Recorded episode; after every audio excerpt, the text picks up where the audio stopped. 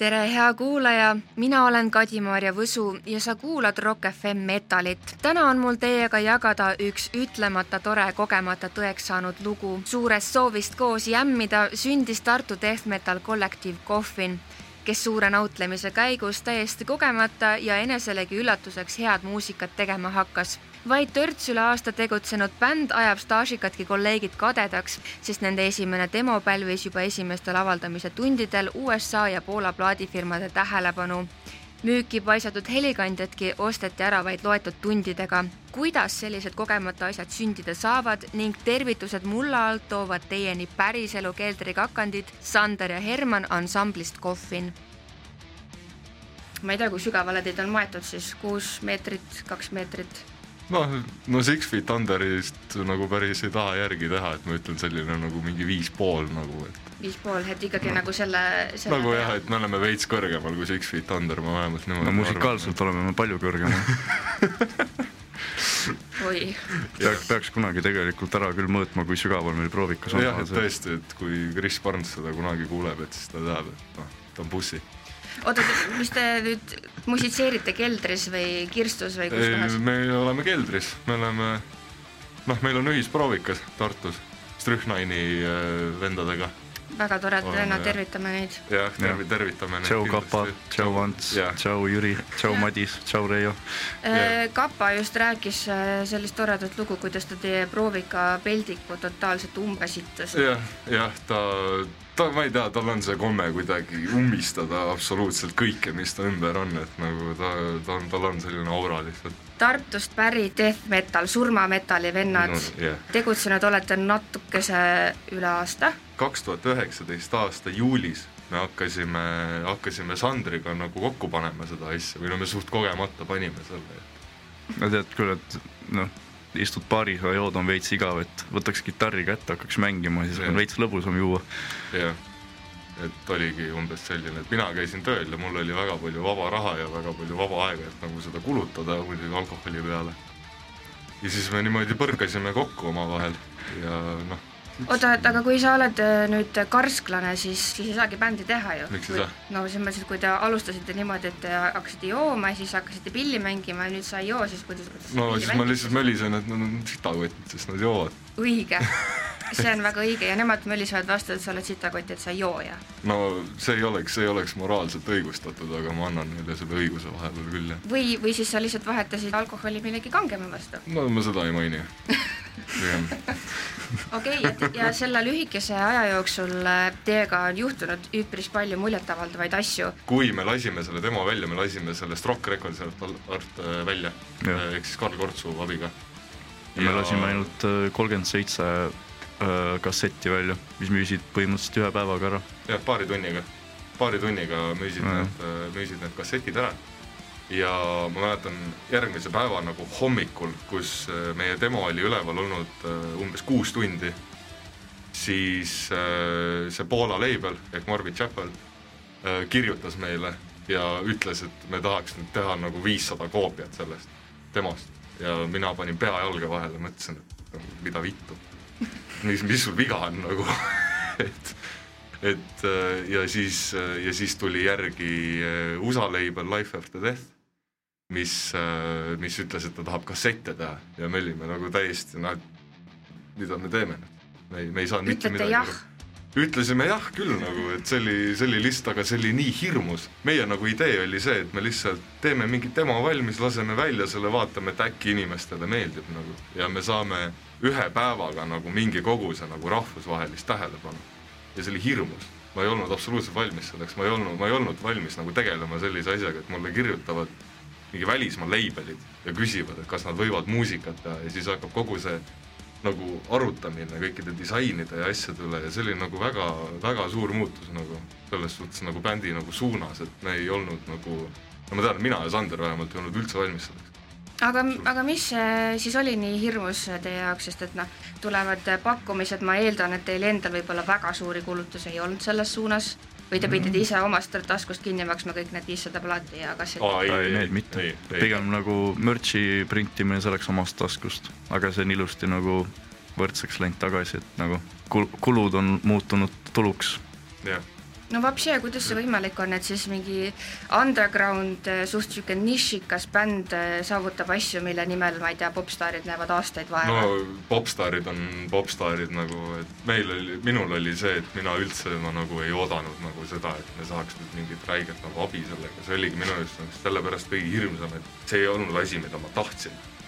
aga ma miks, miks sa siis ei... üldse muusikat tegid või? ei, nagu ma tegin sellepärast, et mulle meeldis see ja siis, kui teistele hakkas ka meeldima, siis sulle enam ei meeldinud? ei, mitte et see ei oleks meeldinud mulle mitte päris niimoodi, aga aga mu mõte oli pigem nagu see, et mulle lihtsalt, mulle meeldis minna ja nagu mingi Sandriga koos muusikat teha lihtsalt. mul ei olnud absoluutselt seda mõtet, et et, et me nüüd kirjutame räigelt hea asja, mis nagu saab räigelt kuulsaks ja nagu kõigile räigelt meeldib.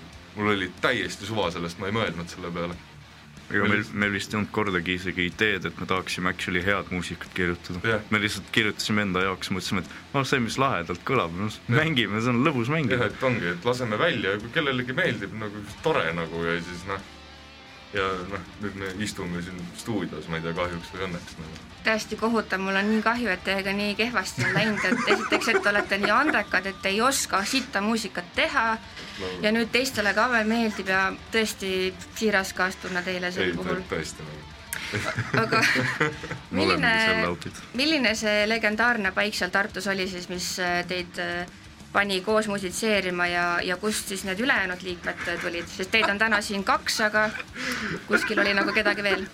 see on mingi halb lugu või? uh,. ütleme nii palju, et rest in peace Crocs. jah, et uh, Crocs.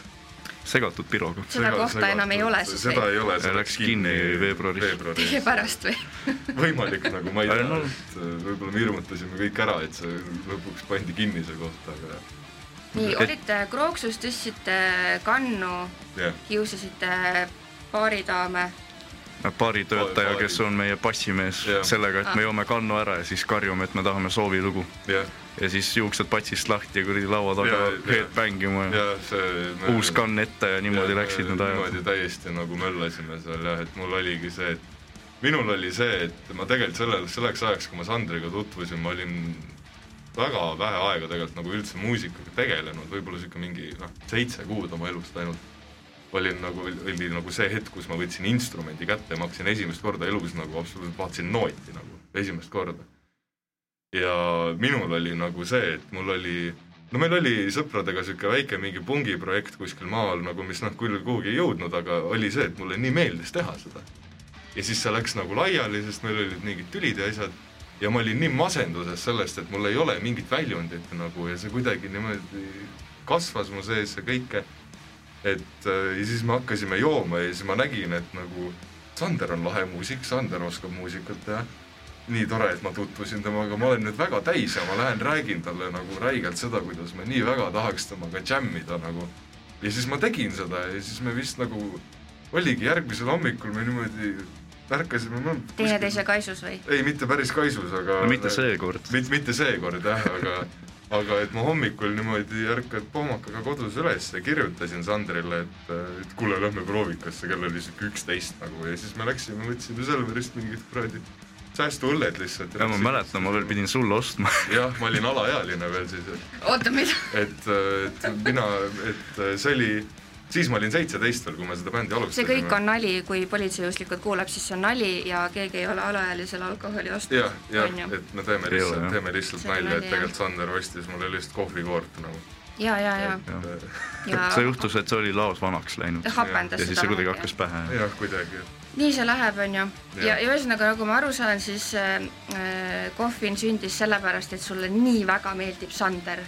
jah. ahah ja, ja mis, mis imemees sa, Sander, oled siis, millega, millega sa tegeled ja mis noh, ilusad juuksed on sul, ilusad silmad, pikk ja sihvakas noormees, aga no mis, mis sisemus siis nii hea on, et Herman kohe võlutad? Äh, siis, kui me alustasime, siis ma ei saa veel öelda, et ma see olin, aga nüüdsest ma olen äh, papilõikusmasina operaator. oh, issand, ma pean istuma vist aga noh, no tegelikult oli see, et meil olid äh, Hermaniga ühised tutvused, noh Tallinnas just. ma käisin siin ühe bändiga, noh, olin seal liige. keda nimetada ei tohi või? tohib ikka, ma olin äh, Värdjas, mängisin kitarri.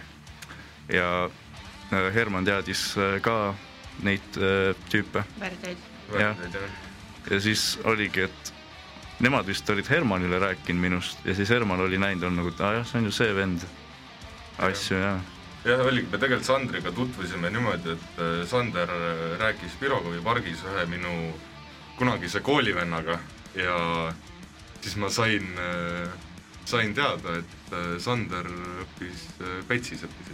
Petersonis ja ja siis äh, ma ei tea, kas hakkame nime nimetama või jätame anonüümseks. jätame, jätame anonüümseks ühesõnaga, et ma sain, saime nagu teada, et sain teada, kes oli Sandri matemaatikaõpetaja. aga ta ei olnud mul õpetaja, ta ei oli olnud õpetaja, aga ta oli su koolis vist. Jaa, ta oli mul koolis mul õpetaja. oli, mul oli sama asi, et ta ei olnud mind ka õpetanud, aga ma olin temast nii suuri õudusjutte kogu aeg kuulnud. aga mulle ta oli asendustunde actually andnud, nii et Jah. ma teadsin kogemusest rääkida, kui kohutav ta oli. jah, et siis me kohe nagu bondisime selle peale, et me teadsime mingit matemaatikaõpetajat. issand, see on, see on lihtsalt nii metal, jah, et kaks kutti lihtsalt bondivad selle mingi rõveda matemaatikaõpetaja pärast.. ja Sander, Sander ei joonud siis isegi veel ju. siis ma juba ja jõin. ei, siis sa jõid vist juba. aga jah, Sander oli selles suhtes hästi beebi, ma mäletan alguses, et ta just hakkas jooma ja siis see oli nii armas sihuke nagu. sa vahepeal üldse ei saanud hakkama sellega ja siis ma nagu no siiani ei saa. jah, siiani ei saa ja siis ma aitasin sind nagu vahepeal ja kuidagi me lõpetasime seal proovikas ühesõnaga koos ja sõpra tunned hädas. Aga mul on ka tegelikult lugu sellest rääkida, kuidas mina Sandriga esimest korda kohtusin ja ma juba tean mm, -hmm. ma juba mäletan. ja sest et äh, Sander on ilmselgelt teie bändi kõige kuulsam liige, sest et ta on äh, lisaks äh, rokiskeenele väga populaarne ka näiteks Tiktokis ja Instagramis. mis asja temaga ma kohtusin, kuidas ma mõtlen nüüd, kaks tuhat üheksateist aasta Hard Rock laagris jah, ja ma esitasin talle ühe küsimuse, millele Sander andis tõeliselt legendaarse vastuse ja ma küsin su käest nüüd uuesti. Sander, mis on sinu parim ellujäämisnipp? enesetapp. legendaarne mees. legendaarne mees, jah, see mul, mul oli see juba meelest läinud täiesti jah, see, see... ma ei suuda seda unustada, ma näen seda unes ja ma- kõikjal, see on parim asi, mis üldse on äh, minu elus juhtunud. see oli, see oligi kusjuures vist paar nädalat peale seda, kui meie tutvusime üldse. jah, võimalik, sest see oli esimene HRL, kus mina käisin vist no see, või oli see, ei, minul oli see teine, sest ma kaks tuhat kaheksateist käisin Pestjaga. aa okei okay., aa okei okay,, siis mul ei olnud, sellele HRL-ile ma ei tulnud, ma, ma, siis ma istusin Tartus sügasin mune nagu või midagi, ma ei mäleta, kus ma tegin. elu on üks seiklus. elu on seiklus. elu on täiega seiklus, aga rääkige mulle veel natukese oma bändist, sellest osast, kus te võib-olla nii palju ei joo, et, et käes on võib-olla ka mõni instrument või no samas võib-olla te saate pudelit ja instrumenti korraga ka No see eriti trummar, ma see arvan. on teadusega tõestatud, et see on samal ajal võimalik, kuna Johan töötas Krooksus, siis mina läksin lihtsalt tema juurde, ütlesin, kuule, tule bassi mängima, ta oli no jah, okei okay., tuli bassi mängima. Ja neljas liige tuli siis teil kust? ei, see on, see on ilus lugu. see on ka väga ilus. ma istusin, see oli, istusin kooli aulas, rääkisin ühe para-, ta vist ei ole ta paralleelikat vist ei saa nimetada, sest ma olin kaheteistkümnendas, ta oli kümnendas. rääkisimegi, me salvestasime selle demo esimese loo nagu demo nagu ja siis Jah. äh, meile, Valdi joonistas meile selle logo valmis, siis me share isime, share isime seda Facebookis ja siis mingid vennad hakkasid demo küsima ja siis ma saatsin ja siis me jäime rääkima. ja siis ma lampi küsisingi lihtsalt, et aga kuule, sa mingit kuradi lõngust tead, kes oskaks kitarri mängida, on umbes meie vanune ja see tüüp on vastu mulle nagu, aa no tean küll jaa, sul on siuke vend nagu Genomar, siis ma nagu hmm, okei okay., noh pohhui, ma kirjutan talle. ja siis äh, nagu ta on pärast äh, meile rääkinud siis, et tal oli just füüsikaarvestus hakkamas ja siis vaataski, et mingi, mingi lamp vend kirjutab lihtsalt, et oo kuule, tule bändi. kuulsin, et sa olid kitra mänginud. niimoodi me ta endale saimegi. siis ta suures meeleheites vaatas, et see arvestus läheb niikuinii untsu, et võib siis muusikuks no selles suhtes. ja ta sai läbi ikka. jah, ei ta sai läbi, Genomar on väga, väga tubli poiss selles suhtes, et äh, et siis, kui, et siis, kui ta tuli, ma mäletan, kui ta sellele try-out'ile tuli, et mina jäin, mina tulin veits hiljem nagu, et nad kõigepealt said Sandriga seal kokku, et vaatavad rihve üle ja värki. Ja siis mina tulen nagu ka kohale, rääkisingi Genomariga mingi sihuke kümme sekundit, et noh, et mida sa kuulad, vaata, mis sulle meeldib ja et mis su lemmikbänd on nagu ja siis ta ütles Metallica, ma olen nagu ahah, okei okay, siis et äh, siis ma küsisin talt, et kas sa downpick'ida oskad, siis ta ei öelnud mitte midagi, ta tõmbas kidrale heli peale, lihtsalt tegi kuradi ja siis ma olin nagu okei okay,, jaa selge, sa oled see ma tean, et nagu see viisteist sekundit, viisteist sekundit ja ma olin otsustanud, et see vend on bändis nagu sellepärast, et ta on vist kõige andekam liige, kes meil on nagu. kõige noorem ja kõige kõige andekam. noorem ja kõige andekam liige nagu, et ma ei, tal oli sihuke mõnus life, life problem, et ta mängis Master of Puppetsit nii palju, et ta mängis originaalist äh, kiiremini seda downpick ides okei, see on, see on probleem. jah, et ta on tõesti, et me oleme proovinud talle ravi leida, aga kahjuks meie bänd vist ei ole piisav nagu. ei aita vitsega kaigasta, kurat Ei. ikka paneb edasi. ikka paneb edasi jah, et ma isegi siiamaani ei saa aru, miks ta bändis on, sest nii kõige parem osa on see, et kui, kui ta bändi tuli, ta isegi ei kuulanud death metalit. Küsisingi, et no mis kuulad? aa no ma tegelikult seda nagu death'i ei kuula, ma noh, kuulan no, ta thrash'i ja isegi, ta ei olnud mitte kunagi death metalit isegi kuulanud, kui ta bändi tuli nagu. ta isegi, ta nagu absoluutselt, tal ei Ja, ja. olnud nagu aimugi lihtsalt põhimõtteliselt. oligi nagu, et noh, bändi tahaks teha, no pohhu, võib proovida. jah, ja siis nüüd ta kirjutab lugusid noh. aa, tema kirjutabki teile ei lugu? no tema kirjutab ka nüüd, ma ei tea, kuidas tal see lugude kirjutamine praegu ta- praegu käib nagu, et no ta mingi, mingid klipid mulle saatis, aga ma ei ole veel jõudnud teha midagi nendega. okei okay., ta kirjutab pigem, ta teeb praegu selleks praktiliseks tööks gümnaasiumis teeb bändi. mm. -hmm. ta teie kirjutab selle bänd nagu läheb või teil, tal on mingi teine? äh, eraldi projekt. aa, okei okay., issand kui huvitav. jah, oleks mul ka võinud sihuke tore õppeprotsess olla, aga aga nüüd teiega kõneldes, kõneldes ma sain aru, kui palju ma teist vanem olen ja mul on nii halb olla. aga seda, seda ütleb Kahva ka meile kogu aeg, et ta oli nii kade alguses, et kurat, te olete nii noored ja saate sellist asja nautida, et ma olen nii kade selle peale, siis ma olen nagu, et ära, ära, ära, ära lõiska parem siis. tõmba vähe neid nuudleid tagasi. tõmba nuudleid tagasi nagu, sorry. tõmba. natuke rohkem pitsaristorante. kui te nüüd olete seotud äh, kuidas öelda, labelitega, kes jagavad teie muusikat äh, väljaspoole Eestit mm. -hmm. ja kas teil võiksite öelda, et teie edu väljaspool Eestit on olnud isegi suurem kui siin?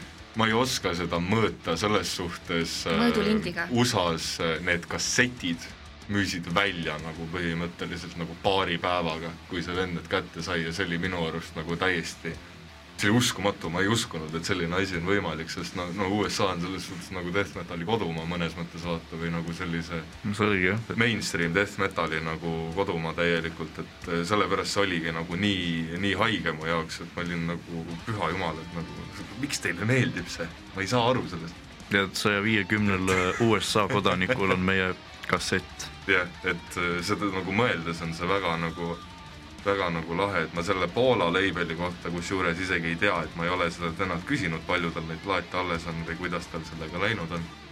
aga noh, ma oletan, et ta on ka ikka nagu müünud neid, et äh, see oli kuidagi tõesti huvitav, et selline nagu noh, rahvusvaheline huvi tekkis.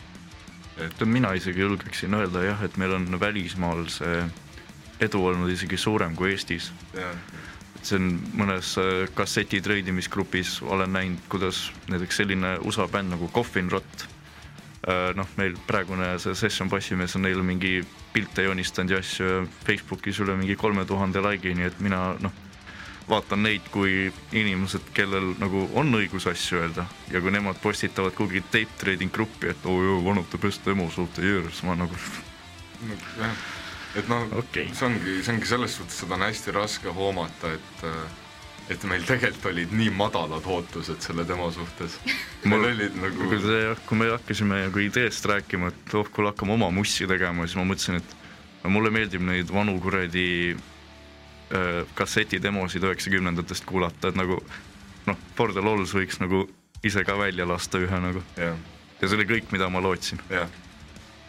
Et äh, ma mäletan nii hästi seda, kui äh, ma olin äh, Madis Kaljurannaga, selline Trapidi trummar ja Strihhani trummar äh,. kui ma olin temaga, olime ühe sõbra juures ja kuulasime Black Sabbathi, Sabbath Bloody Sabbathi albumit vinüüli peal.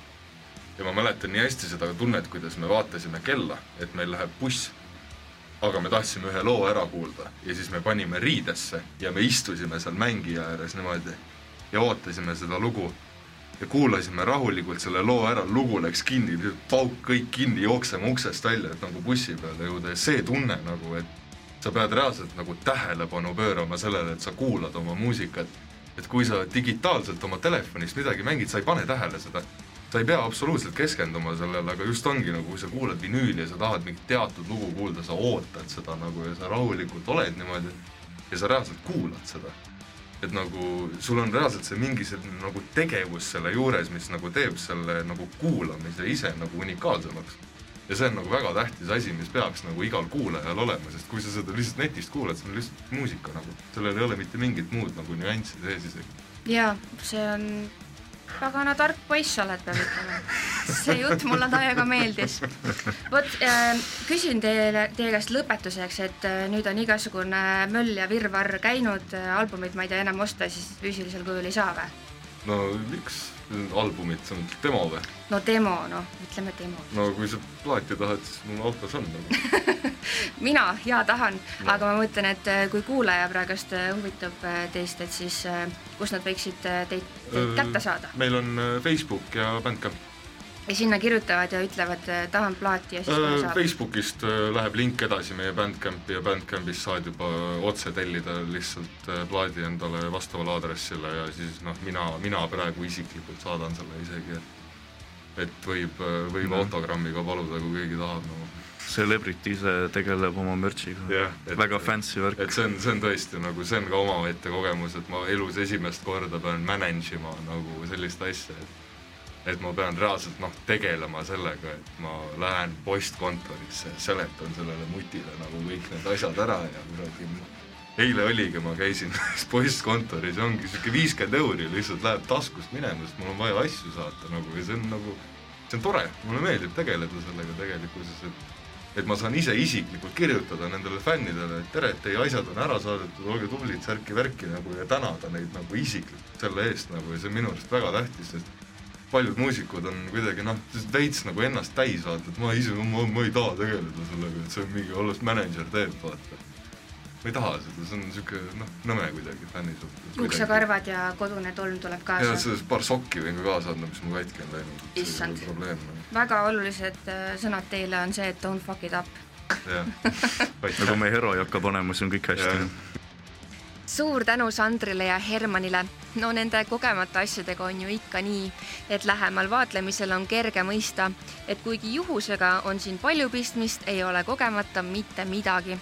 soovime Kohvinile jätkuvat edu ning selleks, et välismaa neid päriselt enesele ei napsaks, tasub just siin kodumaal nende tegemisi toetada.